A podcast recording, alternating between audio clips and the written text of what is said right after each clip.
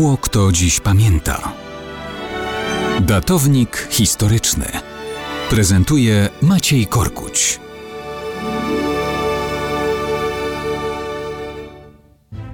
Dzień 11 września na zawsze będzie się już w naszym świecie kojarzył ze zbrodniczym atakiem na dwie bliźniacze wieże w Nowym Jorku.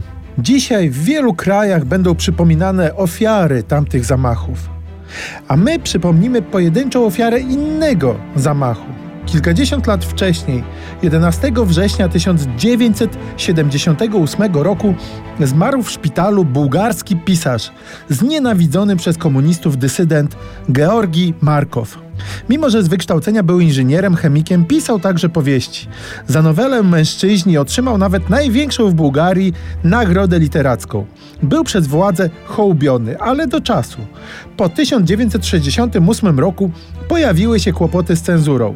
Stąd przy okazji wyjazdu do Włoch odmówił powrotu i zaczął współpracować z zachodnimi rozgłośniami, między innymi z Radiem Wolna Europa. W latach 70. ujawniał wiele szczegółów życia komunistycznych elit w Bułgarii, w tym samego bułgarskiego odpowiednika Gierka Todora Żywkowa.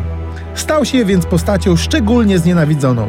Wsadzono do więzienia jego żonę, wymuszono na niej rozwód, ale to wciąż było za mało. Bułgarskie i sowieckie KGB próbowało go zabić.